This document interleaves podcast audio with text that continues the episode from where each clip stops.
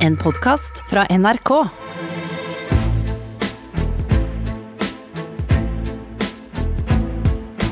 Trump mot verden med Gjermund Eriksen og Sean Henrik Matheson. Ja, det er eh, fredag, så så. Eh, kjære deg, rolig Gjermund. Du er rolig? Helt rolig. Helt rolig. Bra. Eh, nok en Nok en uke. Ja. Har vi grunn til å være rolige? Overhodet ikke. Syns vel noen av oss denne uka ble det sagt fire ord du ikke har lyst til å høre en amerikansk president si. Åh, det var de fire ordene, ja. Ja, de fire ordene. Ja. De er litt uh, ubehagelige. Skal vi se om jeg finner min indre, min indre Donald. Ja. The authority is total. Oh, ja, ok. Eh, ok, men uh, Super-Silje hun har sakset dette sammen med ja, passende hiphop-beats. Look, look, uh, when somebody's the president of the United States, the authority is total. Absolute power. Look, look, uh, That is not true. excuse me, excuse me. The authority of the president of the United States is total. Has any governor agreed that you have the authority to decide when their state I haven't opens asked up? anybody. Absolute power. Total. Look, total. But who told you the president has the total authority? Enough. Bitch, sit down. Absolute power. Just sit down, please. Look, look, Sit down. You're not known to be a humble man. total. The authority is total. Look, look, absolute power. Uh, look, look. I think I'm much more humble than you would understand. Det er fantastisk. Men ok, eh, han går for autoritær. Ja, noen sier konge, noen sier keiser. Jeg vil si at uh, det er en dronning som har sagt det best. Da mener vi dronning i, i ordspillhumor, Gjermund.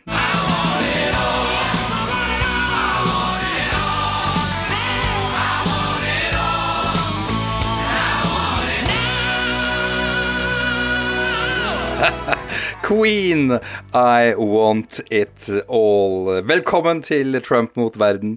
Jeg heter Sean Henrik Matheson. Gjermund Eriksen og jeg vi har stadig hjemmekontor. Først og fremst, Gjermund, uh, gratulerer med dagen. Det viktigste som skjer i dag, er at du har bursdag. Det viktigste som skjer i året, er at jeg har bursdag. Ja, sorry. Og det er Sorry, sorry, 17. april, folkens. 17. Ja, okay. april, gaven som aldri sluttet å gi. Dagen som bare Det renner fantastiske mennesker ut av Ok, nå overdriver jeg, folkens, men selvbildet mitt er i orden på bursdagen. På bursdagen så er jeg jeg er veldig glad i bursdager, og så er jeg veldig glad i julaftener. Den ene handler bare om meg, den andre handler mest om alle de andre. Har du fått noe fint? Hva har du fått som er fint? Én ting. Jeg har fått den beste pizzadeleren som er mulig å oppdrive for penger i Norge, tror jeg. Den var stor og tung og like svær som et bilhjul og sylskarp. Ja, men gratulerer, da. Eh, stas. Stas. Du har en, du har en noe mer eh, koronahektisk hverdag. Ja, det, stemmer. Det er som det har vært de siste ukene. Jeg henger hjemme med, med unga. Eh, Kona er jo sykepleier og er eh, stadig på jobb. Jeg gruer meg litt til helga, bare for å si det rett ut, for da skal hun jobbe tolvtimersvakter både i morgen eh, og på søndag, så da blir det hektisk. Men fader heller, vi kommer oss gjennom. Er, vi har, jeg har ingenting å klage på. Vi er friske og raske og eier heldigvis ikke en liten bedrift som kan gå under. Har trygg lønn fra NRK, så, så ingenting å klage på. Men det er hektisk. Og du har nabo med treningsstudio i garasjen.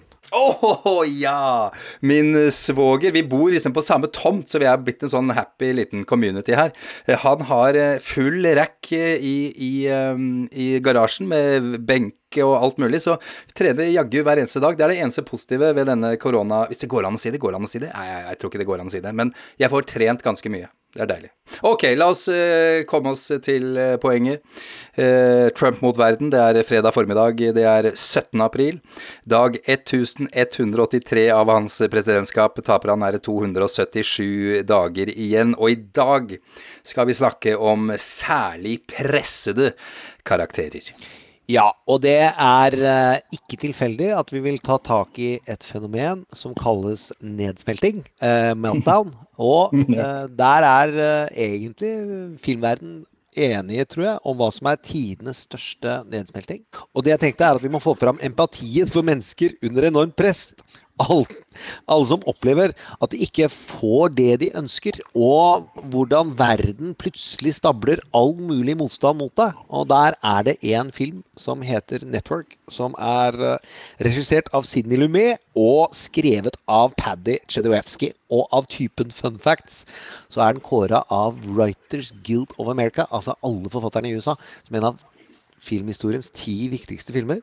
Uh, og tar for seg en hovedkarakter som er eh, programleder, nyhetsoppleser, eh, og som får vite at ratingene hans er så dårlig at han skal bli tatt av lufta.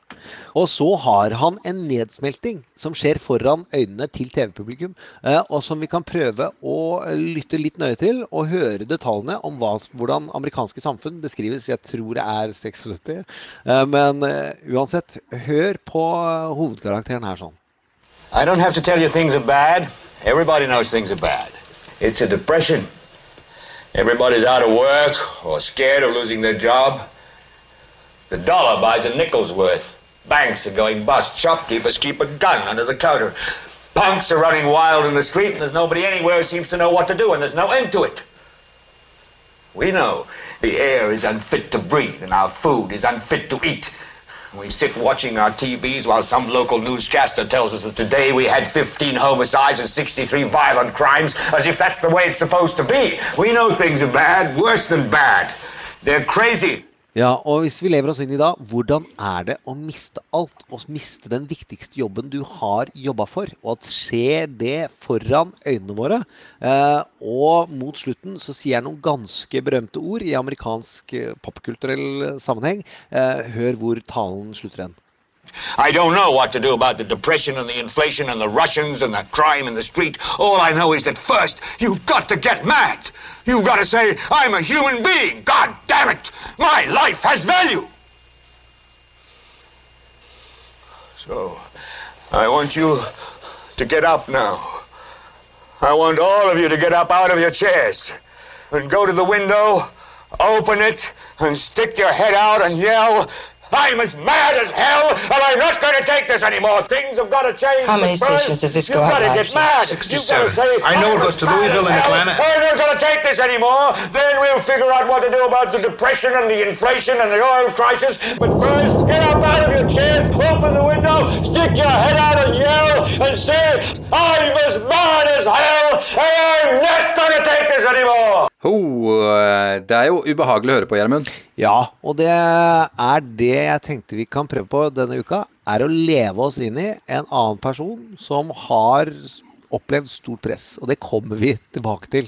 Uh, og det er, vil være litt vanskeligere enn en TV-personlighet som har dårlige ratings. Uh, vi skal nemlig snakke om presidenten. Ja, det skal vi. Eh, og dette er en av de tre tingene vi skal snakke om i dag. Eh, nedsmelting. Eh, Donald Trump, selvfølgelig. Vi skal også snakke om The Candidate, som vi har kalt det punktet i, programmet vårt, Gjermund. Podkasten vår. Bernie, som jo da støtter Biden, og det er vel bare å si game on. Ja, det er og som du har påpekt, det er rett og slett en ny sesong i vår spin-off-serie. Akkurat det der, og det kommer vi også tilbake til. Eh, choice versus change election er også et eh, punkt eh, på det vi skal snakke om lista vår i dag. Ja. det var ikke noe mer å si om det. Det kommer vi også tilbake til. Nydelig, Gjermund. Eh, Så er det et par-tre ting vi bør nevne, men ikke bruke altfor mye tid på. Trump har jo fått eh, ny informasjonsmedarbeider, altså New White House Press Secretary, Kayleigh McEnany.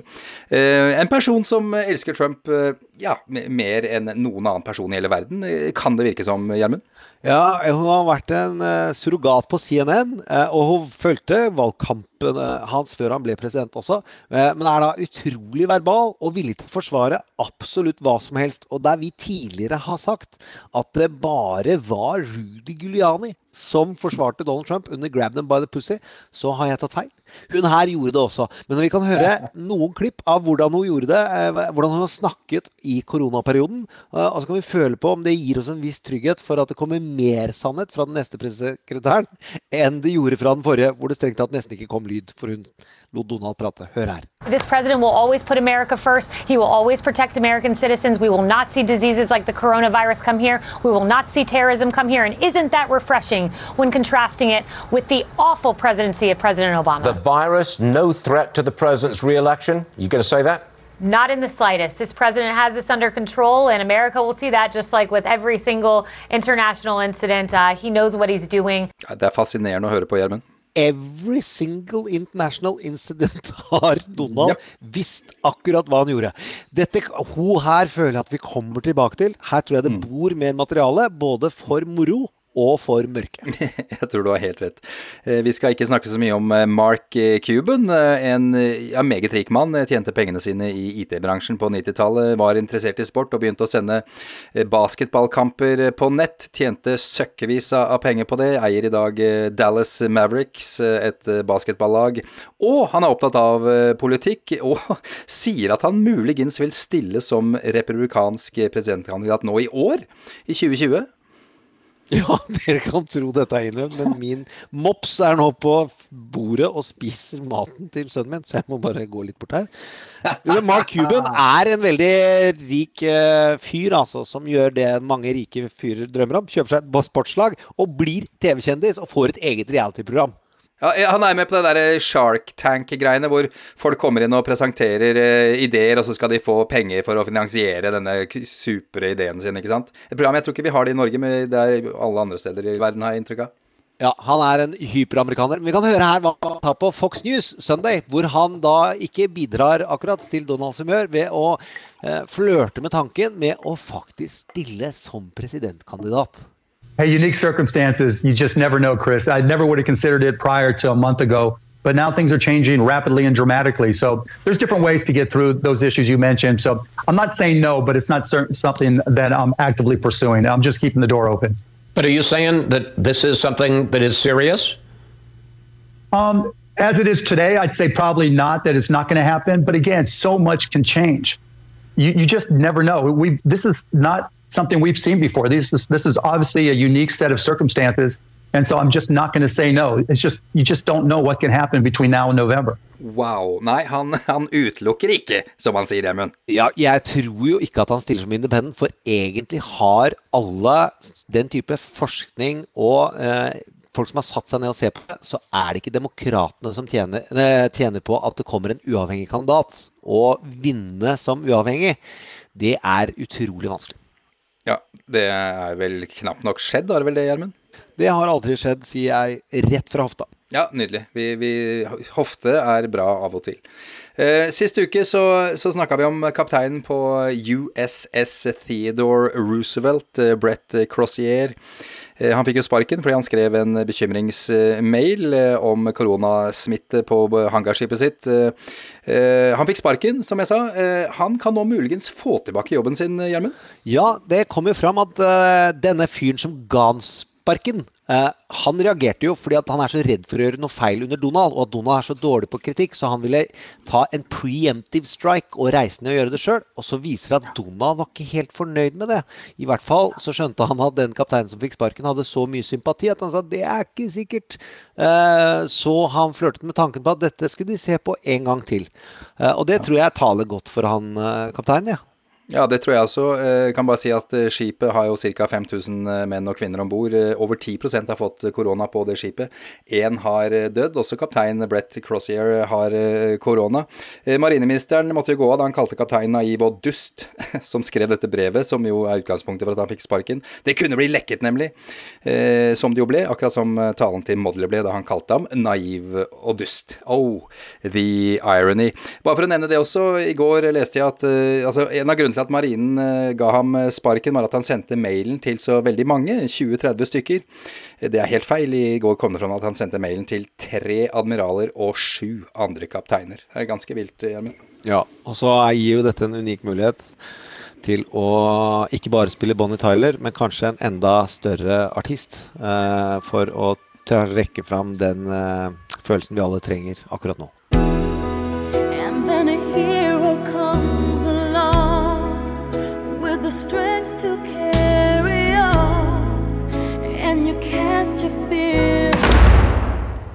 Sorry. Jeg er redd jeg må ødelegge stemninga her. I'm as mad as hell, and I'm not gonna take this anymore!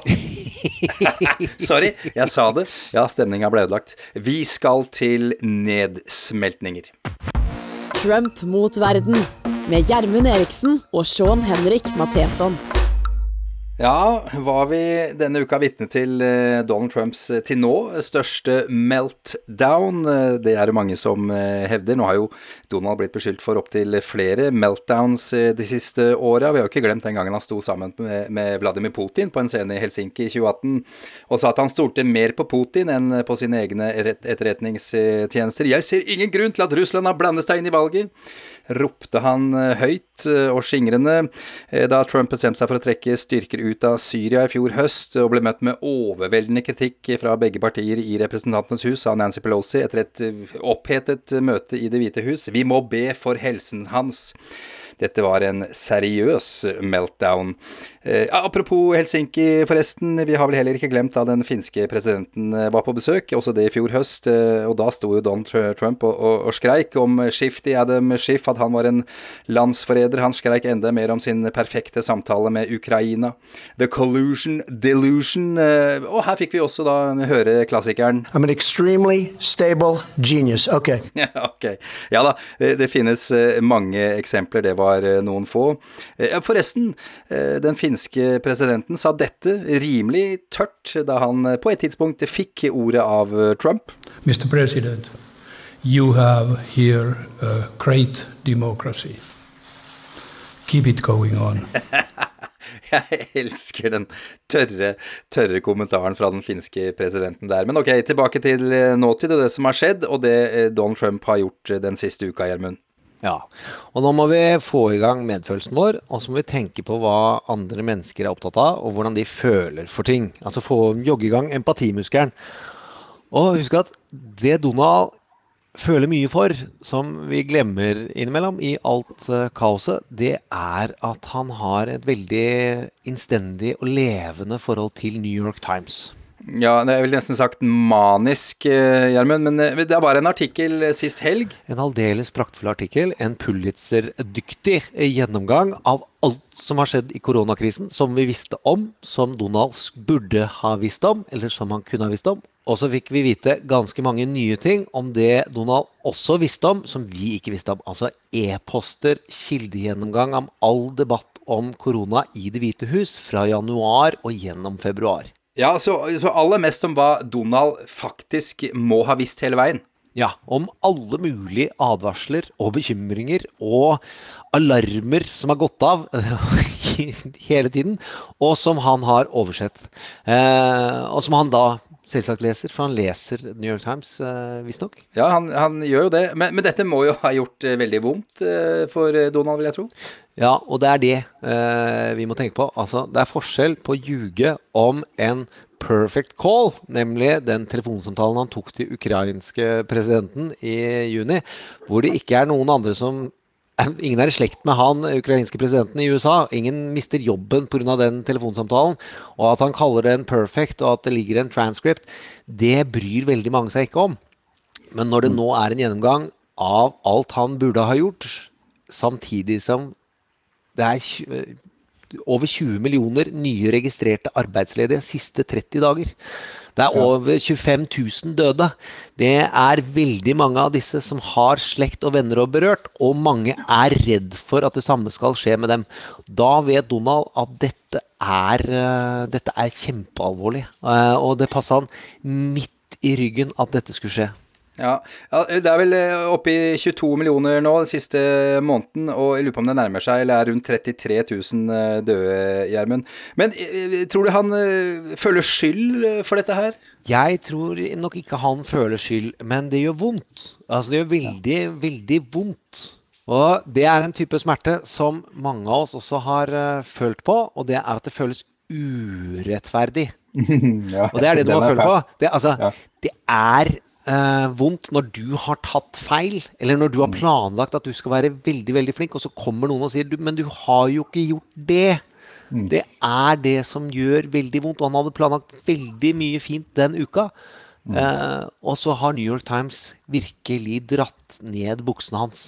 Mm. Eh, Men Wall Street Journal har vel også eh, vært eh, på plass her, Gjermund? Det hjelper jo ikke at den lederavdelingen som ofte støttet Donald i praktisk politikk, altså. De er, eh, de er og De har støtta ting jeg syns er ordentlig rart at de støtter, men de har mer eller mindre skrevet på lederplass to dager på rad. Du understrek driter understrek deg understrek ut med capslock, for å snakke i Facebook-språk.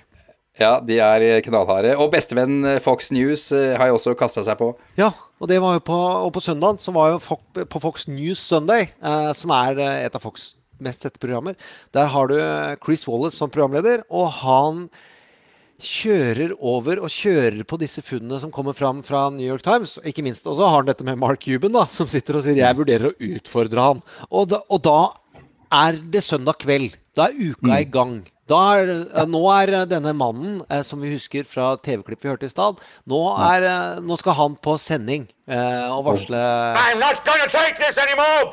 Det er der vi er. Ja, altså, Jeg antar at Donald koker nå, men du må også fortelle da, Gjerman, at uh, Trump hadde sett uh, hans uh, Task Force-medlem dr. Anthony Fauci på en annen kanal. Ja, og, og der sitter jo Fauci og sier og blir utfordret av journalisten Jake Tapper om ville vi stått annerledes dersom vi gjorde ting tidligere? Dersom vi grep inn tidligere, ville folk, flere folk levd? Ville flere folk hatt jobber? Og så er Fauci han er jo vitenskapsmann, så han klarer jo ikke si noe annet enn det som er logisk riktig. Nettopp at ja, det er jo grunn til å anta at det ville hatt mindre ille konsekvenser dersom vi hadde tatt i tur med dette tidligere. Men Gjermund, Fauci har jo blitt pressa, han også. eh, På pressekonferanse sist så, så ble han spurt av en eh, journalist om han blir tvunget til å si de tingene som han sier. Ja, og det er nok ikke direkte tvunget, men det hjalp ikke at det kom en sånn retweet hvor, Altså, for folk som ikke er på Twitter, jeg anbefaler ingen å være der, så ja, hadde Donald Trump re videresendt en melding hvor noen oppfordra til å gi Fauci fyken. Og det er litt sånn klassisk Donald, at han sender sånne! Advarsler. Og så går han opp på scenen dagen etter og sier nei da, jeg bare tulla, det må ikke ta alvorlig, jeg bare står for sånt. Og så kommer Fauci opp, og så justerer han hva han sa til Jake Tapper. De fleste vil si at han som vitenskapsmann nå har ansvar for nasjonens sikkerhet og må være litt tilpasningsdyktig til det enorme ego som står på scenen. Og det som jo er litt komisk, eh, Gjermund, vi har bare kommet til mandag. Ja, og han går nå opp på podiet, og han koker, og han vil vinne. Eh, Og husk hva vi har sagt at strategien hans er. Det er to store områder. Redde helse og redde økonomi. Og det han skal gjøre, er å eie økonomi og gi andre skylda for det med helse. Ja, alle andre får skylda. Det, ikke, og det ikke, var ikke det som sto i New York Times. Nei, og der, eh, det gjør hele planen hans eh, ganske usikker. At han har mye skyld. Og det han egentlig hadde planlagt, virker det som, eh, altså han begynte forrige uke, var det han er god på. Eh, og tenk deg det, du har lagd en plan på noe du er god på, og så er det noen som virkelig stikker kjepper i hjula for det. Han har tenkt å lage reality-dramaturgi med to store elementer. Og, ja, og element nummer én det er at han skal ha to lag. Det, han skal okay. ha en task force nummer to.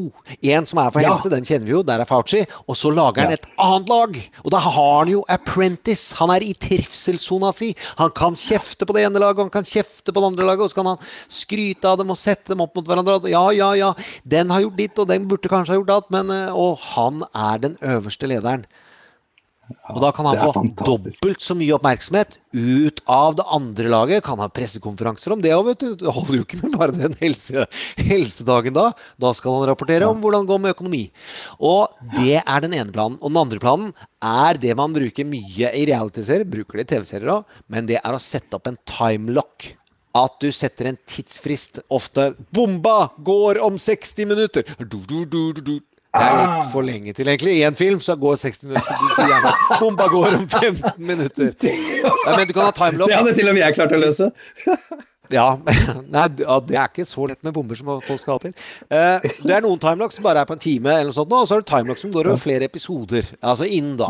Og han uh, har gitt seg selv en timelock uh, hvor uh, det er en tidsfrist, og den skal være den største, og det er hans, og folk skal se på han, og det er økonomien som skal åpnes, og det er bare meg, og han bruker ordene 'total authority'. Total authority. Um, ja, og så har jeg da, tilbake til New York Times, de har ødelagt. Nettopp. Det er urettferdig, og det er den følelsen Donald har når han går opp der, og når han står der, og det er derfor han eh, går langt over streken enn det han sikkert hadde planlagt, å skjelle og smelle på de ulike journalistene. Og særlig på hun ene som gjorde en fabelaktig jobb ved å eh, kritisere det han hadde lagd, nemlig en, en propagandavideo, det vi kan kalle det reklamefilm også, som han viser fra scenen. Fordi planen hans er og nå skal jeg lure alle medier ved å vise denne reklamefilmen fra scenen, og så får jeg sendt den gratis over hele USA, så alle kan se. Og så sier hun rett etterpå at det her stemmer jo ikke. Du, du har jo ikke gjort noe i februar. Altså, det, det er videoen din. Og det gjør han jo da enda mer stressa og taper enda mer ansikt. Og han går over og sier 'you're fake'. You're nothing but altså, Det er jo ordentlig skolegårds drittungeslenging. Uh, ja, og da syns jeg vi kan prøve å leve oss inn i hans situasjon. Jeg kan kort forklare hvor, En annen grunn til at de presser litt hardere nå, er at Hvite hus sin uh, pressebrifingsrom Der har det blitt kvotering på antall journalister som får lov til å være. Og det betyr at uh, ulike medier går sammen og sender inn sin representant. Så folk har litt bedre ryggdekning når de sitter der. Du sitter der ikke bare på vegne av ditt medium, du sitter der på vegne av mange andre kanaler også. Og det gjør at de er tør å være enda mer utfordrende til presidenten. Eh, Gjermund, eh, uka ble jo ikke bedre da, eh, med valgresultatet i Wisconsin. Fortell hva som skjedde der. Det, altså det var for, Forrige uke så hadde vi om voter suppression og hvor utrolig vondt dette var for Wisconsin. Og der tok det republikanske kongressen i Wisconsin og gikk sammen med den eh, høyesteretten i Wisconsin Wisconsin, og fikk også støtte fra høyesterett i USA om at valget, selv om det var stor smitterisiko, måtte avholdes. Eh, og så taper de så det synger. Det var valg til høyesterett, og Donald hadde gått inn og jugd, sånn som han pleier, med å si at nå endorser jeg den republikanske høyesterettsdommeren i Wisconsin, og derfor vil demokratene avlyse valget. Fordi min kraft alene vil dra ham til seier. Og damn! Han ble jo da kjørt i veggen og tapte så det sang. Bidro ikke til at humøret hans gikk opp.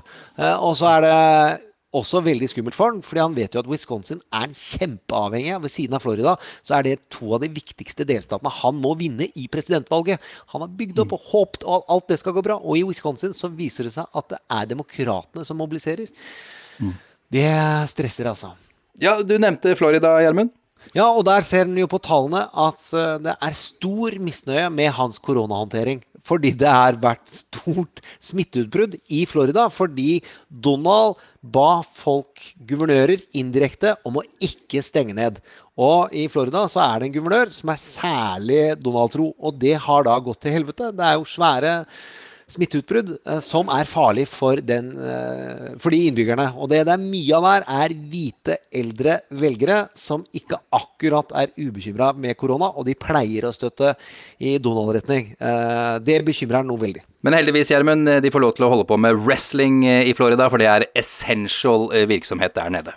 Ja, det sidestilles med apotekdrift og legevirksomhet. Men vi må vi får ta en wrestling fun facts-digresjon, siden det ikke akkurat er det, det eh, folk klikker liker mest på Facebook. Så får folk lære seg at wrestling er viktig kulturelt for å forstå at store deler av velgerbasen til Donald har sans for teater. De som går på wrestling, vet jo at det er ljug. At det er avtalt spill. Og det er en nøkkel til å forstå hvorfor går du på Donald sitt, eh, sine eventer, og du veit jo at han ljuger så det renner han, men du heier på. Og den heiekulturen kan du egentlig speile i wrestlingkulturen, og det som skjer på Donald Rallies, ligner ganske mye. Og siste detalj. Mm. Den som eier wrestlinga, støtter nemlig Det republikanske parti med alvorlig mye penger. Så derfor sikrer guvernøren hans inntekter helt spesielt. Ja, det, Jeg elsker det funfactene der, eh, Gjermund. Så får jo da Donald høre at eh, guvernørene tar igjen. De organiserer seg, og at de, at de selv skal bestemme når de skal åpne. At det ikke er total authority. Ja, og det gjør jo veldig vondt. Det organiseres på vestkysten, en egen delstatsgjeng, som sier vi skal samarbeide når økonomiene åpnes, og østkysten skal samarbeide. Fordi du trenger at stater som ligger av hverandre, åpner butikkene samtidig, åpner for handel. Så det er eh, en viss grad av rettferdighet, og innbyggere ikke blir redd for det også. Ja, må, må hjelpe hverandre på et vis. Eh, Og dette her blir jo eh, Donald forklart. Eh, av en av våre karakterer som vi har snakka mye om, eh, guvernør eh, Cuomo av New York. Ja, der får Donald virkelig møte en alfa, og han får bli satt på plass av hvordan en alfa som kanskje de fleste av oss ville likt i virkeligheten, nemlig en voksen, læreraktig figur som tar stilling til dette total authority-begrepet, og stiller seg utrolig ja, jeg tror vi må bare høre lyden, ja, hva Cuomo sier sjøl om det der, om hvordan det er for guvernører å følge pressekonferansen. No, a governor should not watch that. It w- there's no value in it. It would be, it is infuriating uh, and offensive uh, and frankly ignorant of the facts. You know, uh, the president stood up and said, the, uh, forget the Constitution of the United States. Uh, forget the concept of federalism. To hear a Republican stand up there, by the way, and uh, argue big government and total authority of the federal government is somewhat amusing. You know, if it wasn't so serious, it would be funny, all of this. It could be a comedy skit. Uh, but it is, and it's frightening. It's frightening. This is the last Yeah. place we should be. This crazy politics, uh, this absurd positioning when we're talking about life and death. And we really have the toughest governmental problem we've ever faced right in front of us. And we have to deal with this absurdity. Ja, president Trump blir schooled av eh, guvernør Cuomo fra New York. Men hva, hva vil Donalds strategi være nå? Ja, og da må vi skjønne at nå er han på Charleston-nivå. Og det betyr det laveste punktet han har vært tidligere i approval og respekt, er når det var høyreekstremist som kjørte inn en dem, et demonstrasjonstog og drepte eh, antirasistiske demonstranter. Og hvor han sa Oh, there were good people on both sides. Og på den ene siden så er det voldelige høyreekstremister eh, og nazister som roper The Jews will not replace us. Det var en kjempeskandale, og han klarer ikke ta det tilbake og si at han angrer. Og hele teamet rundt ham, og da kommer vi tilbake til det å prøve å ha medfølelse. Ofte så er det mange nær han som sier at du gjør det bra, dette går fint. dette går fint. Men i Charleston-tilfellet, og i det vi er nå, visstnok ifølge de som har kilder tett på Donald, så er det veldig veldig, veldig mange som sier dette hjelper ikke. Dette funker ikke. Du er nødt til å tone ned. Og da er det jo veldig mange av oss som ville gått tilbake på noen uttalelser og kanskje snakket om hvordan man skal forbedre. Men han velger jo da det Donald er veldig flink til, nemlig i en svær skandale så produserer han heller mange små enkeltskandaler om seg sjøl, for at hjernen vår skal koble oss fra den store skandalen til de små, kortvarige, og han får muligheten til å tenke seg om og gå ut av kaoset og peke videre. Eh, Men eh, altså, lage kortvarige skandaler? Hva, eh, Ja, det har han lært av eh, Roy Cohn og Roger Stone, og hvordan han gjør dette, er jo da å si eh, komme med total eh, authority. Det er en måte som å lage en setning som han vet Da dominerer det sidene. At jeg bruker så sterke ord, da det Da snakker de ikke så mye om New York Times-artikkelen. Jeg kliner til mot delstatene, så får vi i gang en konflikt der. Jeg kjører over det neste vi husker, er jo WHO han lager ting som gjør at vi blir frustrerte og får litt panikk. Men vi snakker ikke om det som egentlig er alvorlig, og vi føler noe for. Uh, nemlig det New York Times pekte på, at liv står på spill, og økonomi står på spill, og han fulgte ikke med i timen. ja, du nevnte WHO her nå, Gjermund. Den eh, kom jo også eh, Ja, den, den, det var voldsomt. Ja, det er jo å ta fra din organisasjon som skal hjelpe Én ting er å hjelpe USA og Kina og alle oss med informasjon fra de ulike enkeltlandene. De har ikke en etterretningsorganisasjon, så de kan ikke helt stå inne for all informasjon fra Kina. De får ta den informasjonen de får. Og så er det sikkert noe eh, byråkrati som ikke har funka der. Men å fjerne pengene fra WHO nå, som hjelper de landene som ikke har respiratorer, ikke har disse med informasjon, det er brutalt hardt og vondt, om det så matcher veldig med den Darth Vader-aktige strategien uh, America first, uh, som uh, Donald egentlig har. Det er ikke sånn at det er utafor skjema for hva Donald kunne tenke seg, men det er særdeles slemt å gjøre det nå. Og så, Gjermund, bare for å liksom, lage den store, svære finalen, så kommer jo en skandale det, det virkelig svinger av. Ja, han vil oppløse Kongressen, som matcher dette Ja. med I have total authority. Så går han og finner en obskur eh, del av Grunnloven, hvor du har muligheten til som president. Bare hør her hva han sier. We have a tremendous number of people that have to come into government, and now more so than ever before because of the virus and the problem. Whether it's Russia, Russia, Russia, or whether it's impeachment hoax, or whatever it may be, it's always roadblocks and a waste of time. If the House will not agree to that adjournment, I will exercise my constitutional authority to adjourn both chambers of Congress. The current practice of leaving town while conducting phony pro forma sessions is a dereliction of duty that the American people cannot afford during this crisis. It is a scam what they do. It's a scam, and everybody knows it. And it's been that way for a long time. Ja, eh, så han Altså, det er aldri skjedd i republikkens historie at, eh, han, at en president oppløser Kongressen. Eh, Men du mener at dette her er en avledning? Ja, det er jo nettopp fordi han ikke vil få det til. Han har jo ikke engang eh, senatslederen Mitch McConnell på lag, som sier at eh, dette er helt uaktuelt. Det er veldig spesifikke eh, ting som må være, som må være tilfelle for at du skal kunne gjøre det. Du må ha en grunnleggende uenighet mellom de to kamrene. Og det han sier han gjør det for, grunnen til at han vil gjøre det, er at han vil utnevne eh, og få, få godkjent noen av de han skal eh, ha i sin regjering. Men det har Høyesterett slått ned på når Obama gjorde det, uten å skru ned, skru ned Kongressen. Han drev bare med eh, utnevnelser når eh, Kongressen hadde pause, og det sa Høyesterett at det var unødvendig maktbruk. Og det å tro at Høyesterett kommer til å si at Donald skrur av Kongressen og får utnevne, det er det da ingen som jeg har fått med meg, som har noe tro på. Men han får lage mye lyd om det, og det er ikke noe behagelig å høre på. The meltdown is total. The authority as well, Uh, not so much. Betyr dette her at eh, Donald um, taper, tror du? Nei, overhodet ikke. Det er altfor tidlig å si. Men det er noe vi helt sikkert bør prate om. Hva er som er tallet for at han kanskje vinner? Ja, det skal vi snakke om straks, men først skal vi til vår spin-off-serie. Yes, it is game on for 2020. All eyes are now on who will run for president in 2020. It Sounds like a game show, but it's not. One of these candidates could be the next president. Ja, der har vi jo eh, svaret nå. Vår spin-off-serie 'Demokratenes kamp om å vinne tilbake presidenttronen'. Der har vi nå hatt sesongavslutning, kan vi vel si, med dunder og brak.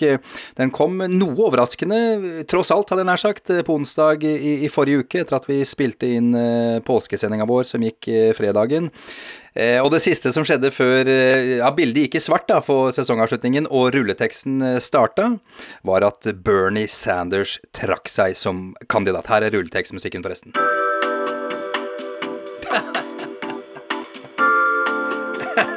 Fy fader, det var kjipt. Ja, den serien den er, den er ikke vi som har lagd, Gjermund. Eller det er jo det, faktisk. Det er jo vår spin-off-serie. Men ok. Ja, på tide, mente mange. Neste sesong er allerede i gang. Den starta med at eh, alle som betyr noe av demokrater, eh, også ga Joe Biden sin støtte, sine endorsements. Eh, Barack Obama og Elizabeth Warren er vel de mest fremtredende der. Så da er vel bare å slå fast at the game is on for alvor, Gjermund. Ja, som sesongavslutning så ble det jo litt sånn antiklimaks plutselig, fordi Biden var jo veldig høyt oppe. Uh, han var, framsto som en utrolig sterk og naturlig leder etter det som ble omtalt som tidenes comeback i en primærvalgkamp. Det må man huske på, det er litt lenge siden. Men det var tidenes comeback. Uh, og var sterk, og alt skulle tale for at nå fikk de en eh, leder det svinget av. Og så kommer koronaen, og så blir det stille, og så trekker han seg. Ja, det er helt riktig. Eh, Bernie eh, Sanders og Joe Biden hadde samsending, Gjermund. De var på Zoom sammen. Ja, og det kan vi få litt sånn identifikasjon med, vi som har zoomet litt. At det er ikke så lett. Ja. Og på Pod Save America, de som følger dette veldig nært og kjenner Biden veldig godt, var veldig bekymra for om de ville klare teknologisk å ikke virke helt fjerne i huet mens de holdt på med noe eh, som er opplevd som unaturlig for ganske mange av oss. Eh, og særlig siden Podsave-gutta har jo drevet med sånn fjern, sky- eh, fjernpodkasting mellom hverandre, for den ene bor i San Francisco, den andre Los Angeles, i lang tid. Eh, men Biden og Bernie klarte det ganske bra. Det med at Biden ikke skjønte hvor mikrofonen var, som var tilfellet for tre uker siden. Vi må ha humor på hans bekostning òg, folkens. Ja, det det. det var borte, og de hadde en god, god samtale. Det var det jeg ville si. Ja, det var god stemning, rett og slett. Ja, og det er ikke sånn at uh, det er Sanders og Warren som har fiendeskap. Uh, Bernie føler at Biden har alltid har tatt godt vare på han, og respekterte når Bernie var visepresident. Nei, feil. Når Biden var visepresident, og Bernie Sanders var den rare senatoren som veldig få trodde noen gang ville få makt og myndighet, så har Biden da alltid behandla relasjon og vært hyggelig. Ja, men det, det er jo veldig koselig, da. Eh, men ok, eh, det som kanskje er viktigere og, og tyngre av slike endorsements, eh, er vel hans eh, tidligere sjef eh, Barack Obama, vil jeg tro, Gjermund, at det betyr mest? Ja, og han kom med en video, og han øh, For meg kom det litt sånn ut av det blå. Han hadde ikke sagt fra at han skulle. Han kom etter at Bernie har sagt sitt, så det var litt sånn avtalespill. Og ti minutter, god tale. Han snakker inspirert, det er godt skrevet, så klart. Det er han jo veldig flink til. Eh, og det var en veldig klar beskjed om hva eh, Biden skal fokusere på, eh, som ligner på det vi har fortalt at David Axrod den gamle sjefstrategen til Obama, og de har helt sikkert snakka sammen, fokuserte veldig på en av eh, Bidens absolutt største styrker, nemlig empati. At han er flink til å føle med.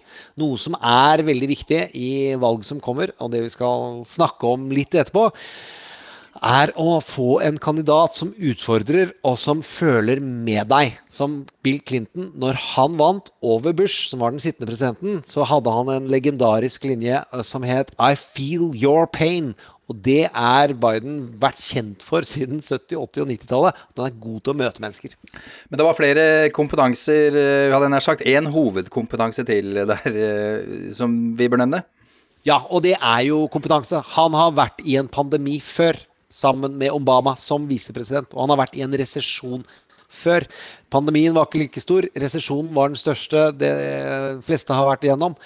Dette kommer de til å prøve å spille på. Empati og kompetanse. Eh, Vi har sagt allerede for så vidt, eh, eller jeg sa jo at det kanskje er det viktigste han har fått av Norsemans, er fra Obama. Er det viktig? Er det så viktig, Gjermund? Ja, det tror jeg, og Claire Malone, hun som er veldig flink journalist hos 538, som hadde en egen artikkel om det i går. Eh, Men han er den mest respekterte mannen i USA. Eh, På målinger, uhjulpte målinger, hvor Gallup spør hvem respekterer du mest, så kommer Obama høyest. Og så kan dere føle at det, å, det var trygt og godt. Men eh, Trump kommer på samme plassen denne gangen. Så det Hold på spenningen, folkens. Uansett, han har kjempetroverdighet blant de fargede og multikulturelle USA. Han har vært mye flinkere enn Biden til å snakke til unge velgere. Og så er spørsmålet om han klarer å mobilisere koalisjonen som fikk han valgt, og hjelpe Obama med det. Ok, det er, det er- er viktigere enn visepresidenten, altså. Det tror jo jeg, for han er et kommunikativt geni. Det det er objektivt sant, så klart, siden han klarte å bli den første svarte presidenten i USA med mellomnavnet Hussein. Eh, Så skal det mye til et kommunikativt geni. Eh, Nå skal vi til uh, choice versus change. Vi skal til presidentvalget. Trump mot verden med Gjermund Eriksen og Sean Henrik Matheson. Selve presidentvalget skjer 3. november, eh, det visste du. Og at det blir spennende er helt eh, unødvendig å si. Noen hevder at dette er det viktigste valget i USA siden Abraham Lincoln ble valgt til president i 1860. Eh, Abraham Lincoln satt i bare én periode, forresten. Ikke hans feil. Han ble skutt i huet da han var på teater i 1865. Han hadde sannsynligvis blitt gjenvalgt, det kan vi si. Fordi det er nemlig sånn at den sittende presidenten nesten alltid blir gjenvalgt. Nixon vant med 20 millioner stemmer i 1972, Reagan vant med 17 millioner stemmer i 1984, Clinton vant med mer enn 7 millioner stemmer i 1996. Og en som alltid får mange hjerter til å glede seg i Norge, George W. Bush vant med 3 millioner stemmer. Ikke like overbevisende, men han vant jo, så samme kan det egentlig være. Og det om, dette her handler om noe som heter the incumbency advantage. Det skal vi snakke om nå. Incumbent er betegnelsen på den som sitter ved makten, altså i posisjon. Erna Solberg er incumbent her hjemme. Og selvfølgelig Don Trump er incumbent i USA. Og de har en fordel, som sagt, incumbency advantage. Og det er også da utgangspunktet for å bli gjenvalgt. En del av strategien, for å si det sånn, ikke sant, Gjermund? Jo, du har statsmakta, du har i USA sitt tilfelle, du har en enorm økonomi. Du har jobba i tre år og kan koordinere utspill gjennom alle departementene dine. Og skryte av det du har fått til, og forti det du kanskje skulle ha gjort. Og du har det som kalles the bully pulpit, nemlig en svær mikrofon og megafon som journalister er samla rundt. Du får masse free media, spredning av ditt budskap. Det er en av de store hovedforskjellene. Men rent strategisk så deler man ofte inn ut ifra den sittende presidenten om det er et change election eller choice election. Og der er det store strategiske valg. Ja, Hva er forskjellen på change og choice? Choice er å velge mellom to kandidater. Change er å bytte eller beholde kandidat. Og med andre ord, den sittende vil alltid ha choice. Det nye, uprøvde eller meg. Altså det utrygge, den som ikke har vært der, eller tryggheten, det du har sett, det du har fått, tross alt. Ja, altså du, de som velger, velger Man velger å fortsette. Det er det velgerne gjør. Ja, det er det du ønsker, og du bruker da motstanderen som noe du kan skape frykt om. Rent emosjonelt så vil Og ikke bare i USA, men i Norge, så er den sittende prøver alt ikke alltid, jeg kan ikke norsk valgkamphistorie, men ofte så er det stø kurs. Du vet hva du før Altså, Jens brukte det mot Erna, og Erna brukte det mot Jonas. Eh, og det funka i noen runder. Det trygge. Og det er en veldig viktig underliggende emosjon for velgere. Ja, hvordan da? Hvorfor er det lurt? Fordi du kan angripe motstanderen din. Du kan rakke ned på svakheten, og alt som da skaper utrygghet, det er den den må forsvare seg fra. Så du får motstanderen din på defensiven, og du kan hele tiden svekke dens posisjon og få valget til å handle om dens negative sider, mens du skryter av dine positive sider. Og så kan vi tenke at det her er veldig slemt og kynisk, og det ville aldri Barack Obama gjort. Barack Obama starta en av de skitneste negative kampanjene mot Mitt Romney i februar-mars, altså. Og han var ferdig definert før april-mai kom. Enorme summer før Mitt Romney hadde vunnet nominasjonen og vært helt ferdig, så var han egentlig svekka så mye at Obama hadde gode forutsetninger for å vinne, noe han da også gjorde. Så dette er nødvendig, tungt, hardt politisk håndverk som kan virke litt kaldt, men de fleste ser jo seg selv som gode for sitt folk. Ja, Og dette vil jo da selvfølgelig Donald begynne med nå, i forhold til Biden. Det har han allerede begynt med, eller det var der han har spart opp enorme penger. Drittpakkene har allerede vært ute. Det er noe om han har tafsa, om Biden har tafsa. Det er ting som tyder på at de har lina opp. Han hadde brukt Senatet til å ha høringer om Biden og Ukraina. Så skjer korona, og det ser ikke ut som det kommer til å bli choice election i det hele tatt. Det blir change election. Ja, Fortell hva det er. Der er det to nyanser. Enten så er det motstanderen som klarer å tvinge valget inn til å bli et change election. Den nye kandidaten står for fornyelse og ber om et retningsskifte, og at det gamle det trenger vi ikke mer. Bill Clinton er jo kjent for det. Det andre er jo at det er omstendigheter som tvinger det fram til å bli et change election. At du ønsker en ny retning fordi samfunnet er ikke der du vil, som også var tilfellet under Bill Clinton. Og der kan vi vel si at det har kommet noen nye omstendigheter. Ja, da har vi jo koronaen eh, i, i full eh, fart uh, her. Ja, og der har vi jo sagt at koronaen forandrer alt. Og det det forandrer veldig på, og som gjør det veldig klart at dette er ikke choice, det er change. Og der sa jeg det med helt feil uttalelse, men det tåler vi her på en norsk podkast. Ja, det, blir det. Donald som, ja, det blir Donald som skal bedømmes. Eh, vil han skape det slik at folk har det bedre i november enn de forventa, så kommer han til å bli gjenvalgt. Hvis, han, eh, hvis folk har det ille eh, og styringa har vært for gæren, så vil han få bli dømt på det. Ja, da blir det change. Ja, og der kan vi se at New York Times-artikkelen var drepende for hans plan om å få et choice election. Det var den siste Ja. spikeren i kista. Og det gjør jo at han blir i jækla dårlig humør. Ja, det skjønner jeg. Eh, Men det er vel økonomien da som, som gjør at han skal, eh, skal bli helten her, tror du ikke det, Gjermund? Det er vel det han driver med nå for tida, for å si det som det er. Ja, det er den helterollen han vil ha. Eh, og det må han. Han må være på økonomiens side og heie på han, for økonomien kommer ikke til å være bra. Så han kan bare ta tak i det folk føler er veldig viktig, og så kan han eie det som fenomen. Nå er det over 20 millioner ledere, ledige. Det vil være ledighetstall som vi ikke har sett siden altså 30-tallet, sier folk som driver med å følge økonomien. Eh, og det er utrolig mange døde. Så det er planen hans nå. Være soldaten som rir ved siden av økonomien, og få troverdighet på det opp mot Joe Biden, som ikke har akkurat tjent mye penger i livet sitt. Han har bare vært politiker og alltid vært statsansatt. Så får vi se om det bærer, om han klarer å stå for eh, tryggheten i framtida, som nå har han blitt tvunget til å gjøre. Ja, det er altså 22 millioner ledige, nye ledige bare den siste måneden her. Eh, Og eh, selvfølgelig alle som har dødd under koronakrisen, eh, det er jo selvfølgelig alle andres eh, feil. Alle andres skyld. Ja, så enkelt kan det sies faktisk.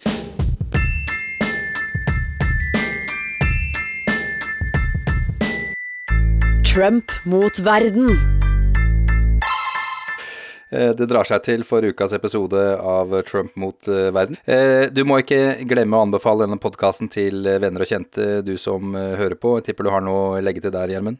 Ja, du må ta det alvorlig, kjære lytter. Vi trenger at uh, Vi blir brått skrudd av, vet du. Hvis folk ikke er interessert i amerikansk politikk og TV-serier, så, watch, så er vi borte. Og så er det bare sånne podkaster om uh, sport igjen. Ja, men finnes det folk som ikke er opptatt av amerikansk politikk og TV-serier? det tror jeg ikke noe på! Jeg har sett på lyttertallene, og hvis vi sier det er fem millioner i Norge, så er det klart at det er godt over 4,990 Nei, ikke 90 000. Det, er, mange igjen, da, folkens. Eh, gå inn på Facebook-sida vår, Trump mot verden. Der eh, foregår det alltid mange morsomme ting. Og eh, hvis du har noen spørsmål til oss, still spørsmålet der. Da ser vi det umiddelbart. Vi skal legge ut en post når vi er ferdige nå i dag, der vi Ja, du kan stille spørsmål om, om hva du måtte ønske. Eh, Vi skal avslutte for i dag. It's a wrap. Det er eh, selvfølgelig Silje Martinsen Vettre som har eh, hatt sin hånd over dette, denne podkasten. Heldigvis for det, som vi pleier å si. Sean har skrevet en ny åpningsscene, og nå gleder jeg meg. Så vil jeg si, for jeg har hørt den, at den er det Ja. aldersgrense på. Det vil si at den vil Ja. gå etter vannskillet, etter klokka ni på NRK, fordi den har noe som ikke vanligvis viser før klokken ni. Men du kan se på HBO i den type serier. Eh, Nå Ja, eh, varma jeg dem opp, sånn. Takk skal du ha, Gjermund. Ok. Eh, Vi starter i svart. Så begynner et bilde å bli synlig. Det er et nærbilde av Donald Trump. Masse nærbilder av øynene hans, nesa, munnen hans som smiler. Kamera zoomer sakte ut. Trump sitter på en stol. Han ser på noe. Han koser seg. Kamera zoomer videre ut. Vi skjønner at han sitter på et dyrt og glorete hotellrom. Kamera snur seg i den retningen Trump ser i, og vi ser at tre prostituerte danser på en seng litt sånn strippeaktig. Vi ser ansiktet til Trump. Igjen. Plutselig vrir ansiktet seg i et glis. Så hører vi lyden av væske som treffer et laken. Trump grynter av glede. Kamera ser at en av de prostituerte sitter på huk og tisser i senga. Kamera glir forbi videre mot veggen ved hodeenden av sengen. Der henger det et stort maleri av en fyr som har skutt en bjørn. Kamera går nærmere og nærmere bildet. Til slutt er det helt inne i øyet til jegeren. Så går kamera inn i øyet, videre inn i rommet bak. Der er det mørkt, flere datamaskiner, blinkende lys, kameraer og lydutstyr. Og Vladimir Putin, som står der i skinnjakka si og oppkneppet skjorte med en alvorlig mine, mens et smil er i ferd med å bre seg over ansiktet hans. Så starter denne låta.